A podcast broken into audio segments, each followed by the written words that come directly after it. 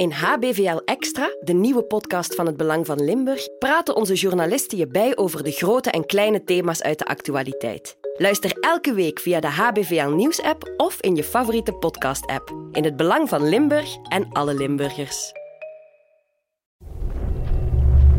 Die grote instorting van 58 jaar, dat was iets anders. Hè? Daar had niemand bij stilgestaan dat dat gaat vandaag gebeuren. Hè? Wij wisten eigenlijk pas s'avonds dat de ramp zo groot was. 10 seconden heeft het geduurd, boem, het was gedaan. Wij zaten ingesloten, onze ingang lag in. Pa zegt, die brengen ze ons dood naar huis. We hoorden geroepen, er werd geschreeuwd. En die mensen liggen er nog. Die liggen er nog. Riemst, dinsdag 23 december 1958. In een ondergrondse champignonkwekerij in Zeggezusse Bolder zijn ruim 100 plukkers en compostwerkers aan de slag.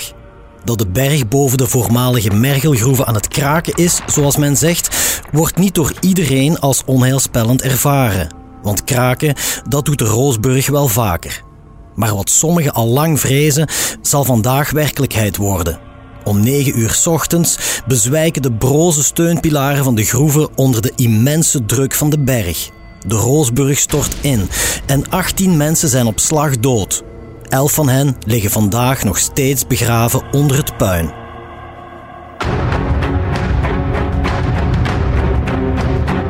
Van de Bijbelse apocalyps tot Hollywoodfilms over allesvernietigende catastrofes. Al sinds het begin der tijden rijgt de mensheid haar bestaan aan elkaar met rampspoed, in alle mogelijke vormen en gedaantes. Onbedwingbare natuurkrachten zijn vaak de oorzaak. Maar ook het handelen van de mens zelf ligt dikwijls aan de basis van dodelijke rampen. Denk maar aan ontelbare oorlogen. Of aan de miljoenen slachtoffers van branden, explosies en andere noodlottige ongevallen met een fatale afloop. Onze provincie blijft niet gespaard, zo zal u merken in deze reeks over Limburgse rampen. Telkens opnieuw nemen we u mee naar de plek van het onheil en reconstrueren we minuut na minuut het hele gebeuren, samen met zij die erbij waren. Ik ben Geert op Teinde en ik ben graag uw gids in het rampenplan. De Roosburgramp, deel 1. Dood in de Mergelgrot. Ik ben Rita Jonge, geboren 8744, dus ik was 14 jaar.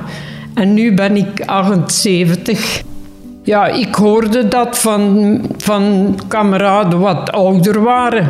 En als je iets wil bijverdienen, moet je in de berg komen en dat is plezant. En dat is het ook altijd geweest. We hebben goed moeten werken daar. S morgens vroeg om vijf uur soms. En dan plukken. En dan soms nog, eh, ja, wij zeiden dan, nu gaan we kras rapen. Dat kwam tussen, tussen de grond, kwam dat, hè. dat was zogezegd onkruid. Hè. Maar dat, dat moest weg en dat moesten we dan daarna rapen. En dan werd daar gezongen en gelachen. Het was heel, heel, heel plezierig. Altijd. Wij hadden altijd plezier. Begonnen we het morgens om vijf uur. Dat, dat, er was niemand moe of was altijd lol. Want een zondag, als we niet in de berg geweest waren, ja, dan hadden we geen zondag gehad. Ik, ik ging elke dag. Zondag, kermis, Pasen, Pinksten. Altijd kermis, dat zei mij ook niks. Mijn vriendinnen waren dan al hoe lang van tevoren van nieuwe kleedjes en zo, maar dat interesseerde mij niet. Ik ging liever naar de berg. Ik ben Fernand Beuze, 75 jaar, broer van Jean Beuze, slachtoffer van de Roosburgramp 23 december 58 in Siggesussebolder. We waren met zeven kinderen, vijf meisjes en twee jongens. Vader zat in de bouw, in Luik, en ma was met het huishouden. Jean, die kwam nooit rechtstreeks uit school. Dat was altijd bij de boeren. Die was ook s'nachts bezig. Hè. Die, dus ju, ju, de paarden. Het is altijd bij de boeren, al altijd geweest. Ma moest dan in het veld gaan zoeken, hè, waar die zat. Hè. En pa zegt, die brengen ze ons dood naar huis. Ja, die, eh, die- bij ons in het dorp was dat traditie eigenlijk. Van 15, 16 jaar trokken ze de groeven in. Ze werden dan zeker met 150 man. Ja. Jean, die, moest, uh, die zat aan de frigo's en die moest uh, champignons wegen. Eer ze naar de veiling gingen. Champignons gaan plukken in de ondergrondse kwekerij. In het riemst van de jaren 50 zijn er maar weinig tieners die niet aan de slag gaan in de Roosburg. Ook Rita Jonge, 14 in die tijd, en Jean Beuze, de nogal avontuurlijke 16-jarige broer van Fernand die u net hoorde, verdienen op deze manier een centje bij in de oude mergelgroeven. Wie alles ooit zo'n zogenaamde mergelgrot bezocht heeft, kan zich die ondergrondse omgeving makkelijk voor de geest halen. Een doolhof van kilometerslange aardedonkere tunnels, waar onervaren toeristen gegarandeerd zullen verdwalen. Maar voor de inwoners van Zeggezoese Bolder, zoals Rita en Fernand, zijn de gangen die onder hun huizen lopen helemaal niet akelig. Integendeel, ze zijn de normaalste zaak ter wereld. Nee, dat, dat waren vrij grote gangen nu. Hè. En eng was dat niet. En we hadden zo'n batterij op, hè, gelijk in de meen. Uh, en dan moesten we die in, in zo'n kasten insteken voor op te laden. Hè. En zo hadden we licht. Dat was eigenlijk een beetje normaal, zijn ze altijd. Bij ons onder het huis, dat zijn ook grotten. We gingen daar spelen. We waren heel van de straat af, zeiden ze. Spelen. En toch, in de jaren voor de grote Roosburgramp zijn er in de omgeving al verschillende kleine instortingen en wegverzakkingen geweest.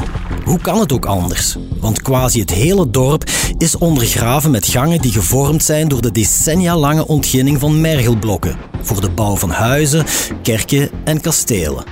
Dat gebeurde ook in de Roosburg, waar de ondergrond ideaal blijkt te zijn voor de latere champignonkweek. In de mergelgangen, waar de werkplaatsen zich bevinden, komt er echter geregeld puin los van de muren en van het plafond. Een probleem dat zich ook stelt op de ochtend van de ramp, vertelt Rita. De dag dat we binnengingen, moesten we dus om vijf uur beginnen. Ja, was pieken donker en ik wachtte altijd op een van de Valmeer, wat eh, ook met de fiets afkwam. En wij zijn dus binnengegaan en... Eh, ja, die mannen, wat daar al lang werkte mee, hè, oudere mannen, die zeiden dat, dat, dat de berg aan het werken was. En wij zaten het diepste. En onderweg lagen een hoop blokken afgevallen. Wij moesten onze fiets pakken en erover zetten voor door te gaan. Iedereen, daar had niemand bij stilgestaan dat dat gaat vandaag gebeuren. Hè. De berg is aan het werken zegt Rita. Dat is iets wat ook andere werknemers al enkele dagen opvalt. En dus houden sommige ongeruste ouders hun kinderen die dag thuis, zo blijkt. Mijn pa die werkte dus op de bouw en die ging bij zijn neef op de grote baan. Daar ging die altijd wachten, daar uh, pikte de bus hem op. En zijn neef had twee zonen, geloof ik, die ook in de berg werkten. Ja, en die jongens die waren niet meer mogen gaan. En die dag zei hem op mijn pa... Is het kind nog werken? Oei, zei mijn pa. Deze morgen om vijf uur al begonnen. Nee, dat moet je niet meer toelaten, want straks of morgen gaan daar instortingen zijn. Ja, dan gaat ze morgen ook niet meer gaan, zei mijn pa. Rita's vader krijgt gelijk. Zijn dochter zal morgen inderdaad niet meer naar de Roosburg gaan. Niet omdat haar vader het haar zal verbieden, maar wel omdat diezelfde ochtend, amper enkele uren na het gesprek tussen pa Jonge en zijn neef, net datgene zal gebeuren waarvoor de man met dwingende toon had gewaarschuwd. De Roosburg gaat tegen de grond. En Rita, die enkele minuten voordien nog grapjes maakte met haar vriendinnen, zit daar plots middenin. Om negen uur hadden we dan een kwartier pauze. En omdat we om vijf uur begonnen waren, zeiden wij zo onder elkaar: Vrouwen, wij gaan om half negen. Want we zijn om vijf uur begonnen, negen uur is te laat vandaag. En als we gingen eten, ja, dan riepen we aan de ene kant: Gaat je mee? Wij gaan eten. Gaat je mee? Wij gaan eten. En dan kwamen we samen. We hadden dan zo'n grote plaats, hadden we blokken gelegd en planken op en dat was onze eetzaal. En dan zaten we altijd de stoomketel en daar rond hadden we banken gemaakt. En, we, en er waren de gek aan het houden met alles. Straks of morgen zitten we hier, hebben we een schroef van de ketel achter ons oren hangen. En het was altijd, altijd over de berginstorting. Maar toen was het al bijna negen uur. En we zeiden, oei. En onze, onze ploegbaas, nu is het tijd dat je opstaat. En die is met de fiets vertrokken. En het viel in. En die is, die, die is niet meer buiten geraakt. Door een speling van het lot kan de nu 78-jarige Rita de ramp navertellen. Maar als ze die dag, zoals gewoonlijk, een half uur later haar werkplaats had verlaten om te gaan eten, dan had ze vandaag niet voor mij gezeten. Want om 9 uur scheurt de berg open, waarna het gevaarte van 700.000 kubieke meter over een oppervlakte van 3 hectare met een oorverdovend geraas ineenstuikt. De mannen boven zagen boedenakkers scheurden. Want er waren boeren bezig en die zijn eh, van hun dingen afgegaan, omdat ze zagen dat het scheurde. Dat was in één keer boem, met, met zo'n geluid wat, wat, wat nog een beetje duurde. Zo. Dat was niet boem en gedaan, dat was boem. En, en blokken wat rondvlogen en die kisten, hè, eh, wij plukten op kisten, hè, dat was vier hoog geloof ik. Hè. Eh, ja, en dat vloog allemaal rond. Ja, dat, dat lag allemaal doorheen en al aan geschreeuw en geroep. En er werd geschreeuwd. En, en we zagen daar een liggen. Uh, een, een van Bevers was dat. En die, die kon... Uh, allee jong, uh, ja Jacques noemde die geloof ik. Staan ze op. Maar die, die, kon, die kon meer praten of niks. Uh, want dat mergel, dat vlieg rond. En die had dat ingeslikt. Hadden we met onze vinger uit die zijn mond gehaald. Want anders ging die verstikken. Hè. Maar wij, wij konden hem niet helpen. Wij, wij, wij kregen hem niet recht. En alles was geblokkeerd. De duizenden loodzware mergelblokken die door de instortende berg in de gangen worden uitgespuwd, zullen in totaal 18 slachtoffers maken, van wie de meeste op slag dood zijn. Anderen die zich vlakbij de instorting bevinden, hebben geluk, als we dat tenminste zo mogen noemen, dat ze door de gigantische schokgolf tientallen meters van de vallende brokstukken weggekatapulteerd worden. Vele van hen overleven, maar raken zwaar gewond. Zo ook compostmaker Leon Vos, 25 op het moment van de ramp en vandaag bijna 90 jaar oud. Die grote instorting van 58 jaar, dat was iets anders. Hè? Wij werkten toen in de grote berg, waar ingestort is. Maar s morgens, als ik eraan kwam, waren daar een, een, een compost bezig. We waren met drie en drie hopen aan het omzetten. Die moesten omgezet worden. Hè. En dan moesten we in die bakken doen waar ik, waar ik niet bezig was. Ja.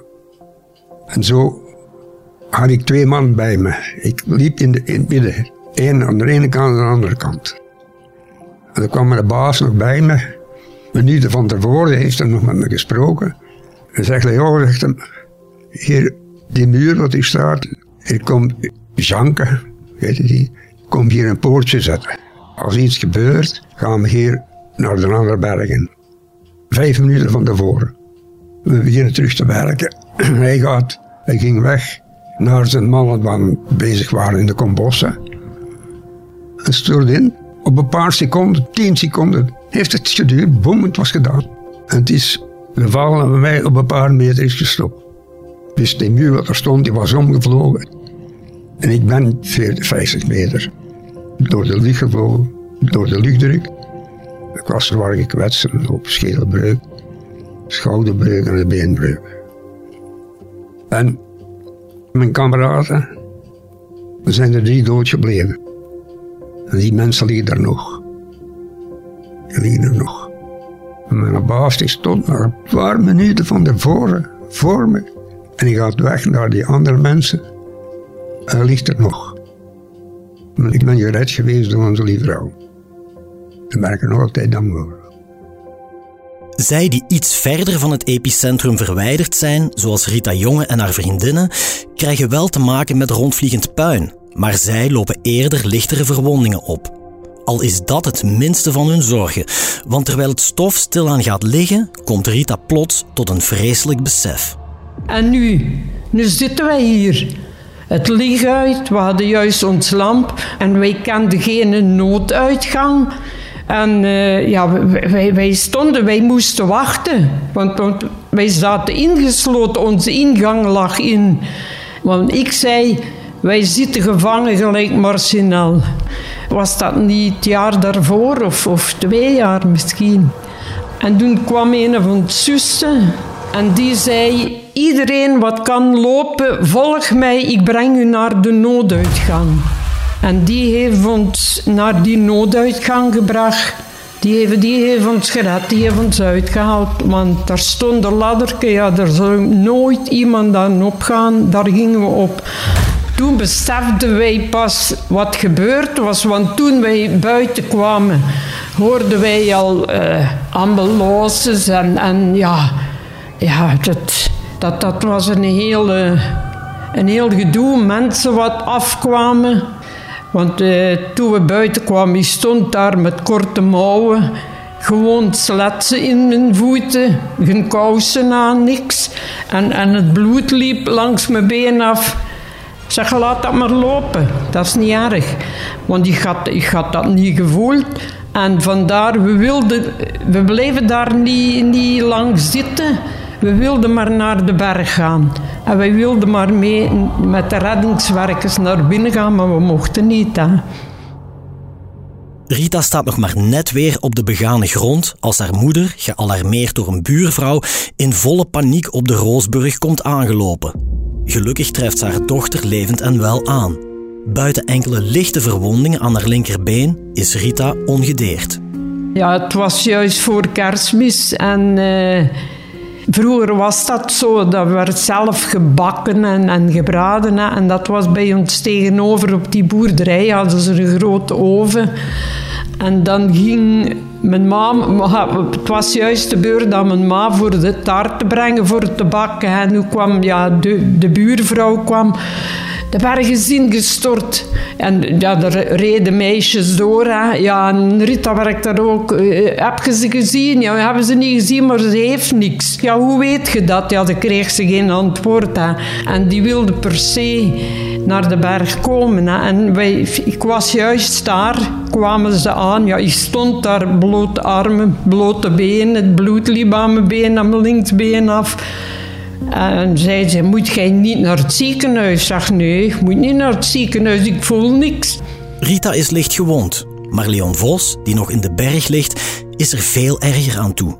Hij heeft een open schedelbreuk en een gebroken schouder en been en ligt hulpeloos op de grond nadat de schokgolf van de instorting hem tegen een muur had gesmakt.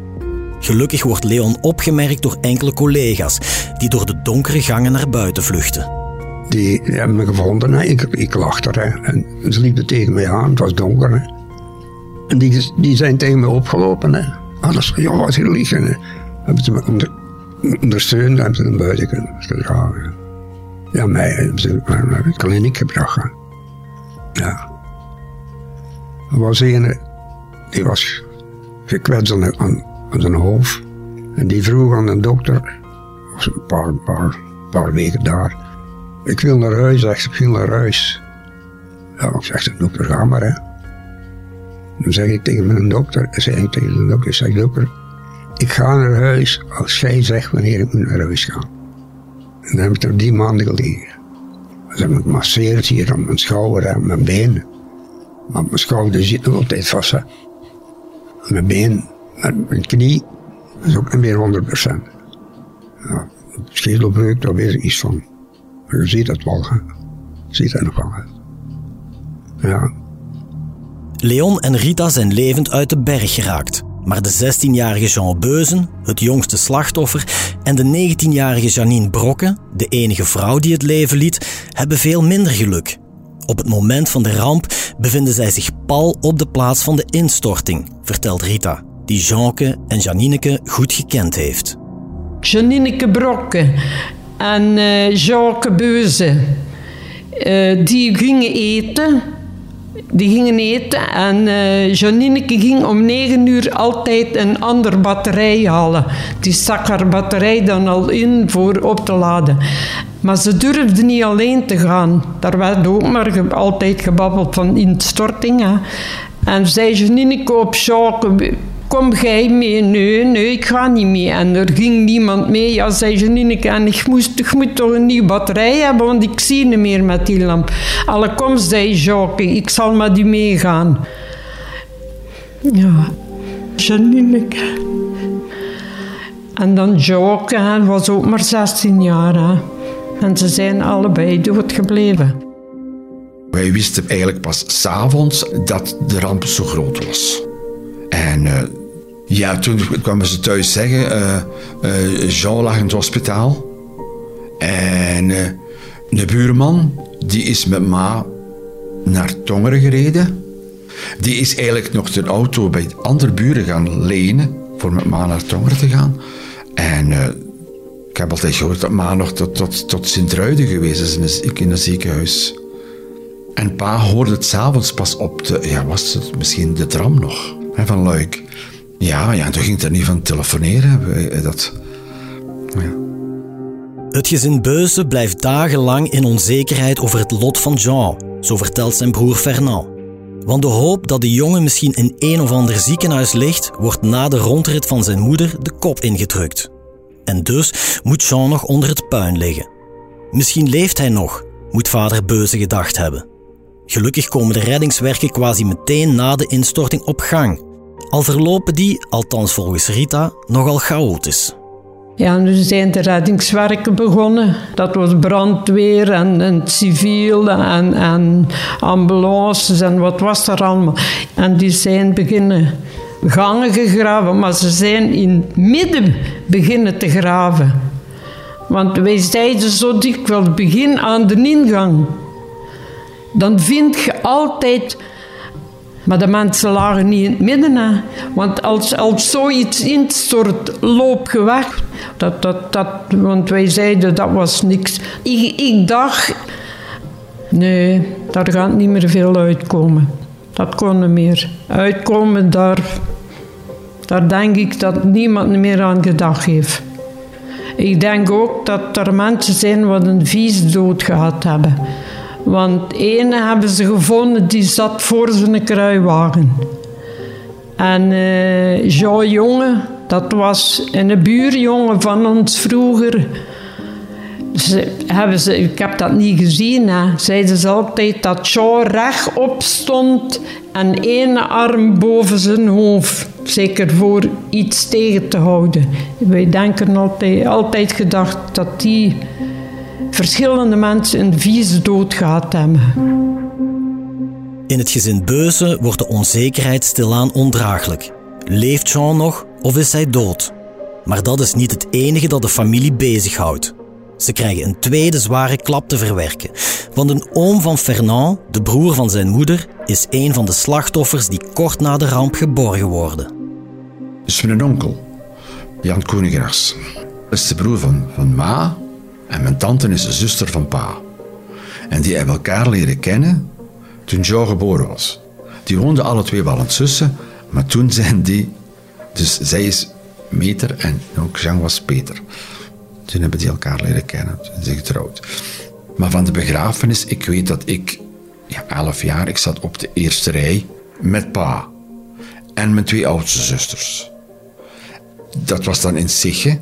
En mijn onkel is dan overgebracht naar Sussen. En uh, heb ik gehoord dat Ma stond buiten toen ze opkwamen, dus met haar broer. En dat een vrouw uit de rouwdienst is gekomen, die is al voorop gelopen voor Ma terug te brengen. Dat weet ik wel. Dat hebben ze me naderhand pas verteld. Ja. Intussen trekt vader Beuze elke dag naar de Roosburg, waar hij tot diep in de nacht postvat wachtend op nieuws over zijn zoon Jean. Hopend op een goede afloop. Maar die hoop vervliegt genadeloos wanneer het lichaam van die jongen exact één week na het drama naar boven wordt gehaald. Daar stonden heel veel mensen de hele dag door. Hè.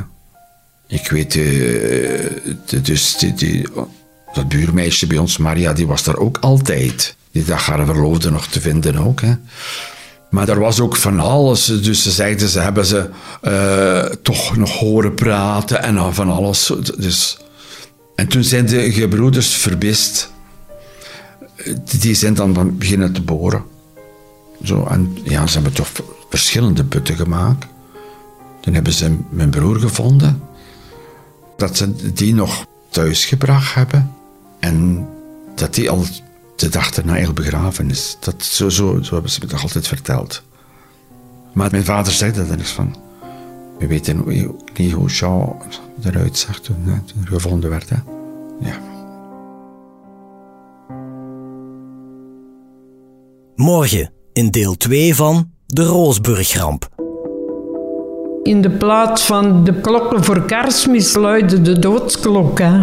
De toenmalige voorschrift op gebied van arbeidsveiligheid enzovoort, dat was holke, bolke, repensolk. Ik heb dat daarna trouwens de burgemeester ook ervaren. Wij zeiden zo dikwijls, hier moest nu eens iets gebeuren. Hoe gaan wij daaruit geraken? Mijn baas, Gerard, die had nog een ingang gemaakt. En dat is eigenlijk de oorzaak geweest. Die pilaren die werden dunner en dunner. Dat er 18 mensen zijn doodgebleven, dat is wel een heel zware ramp geweest.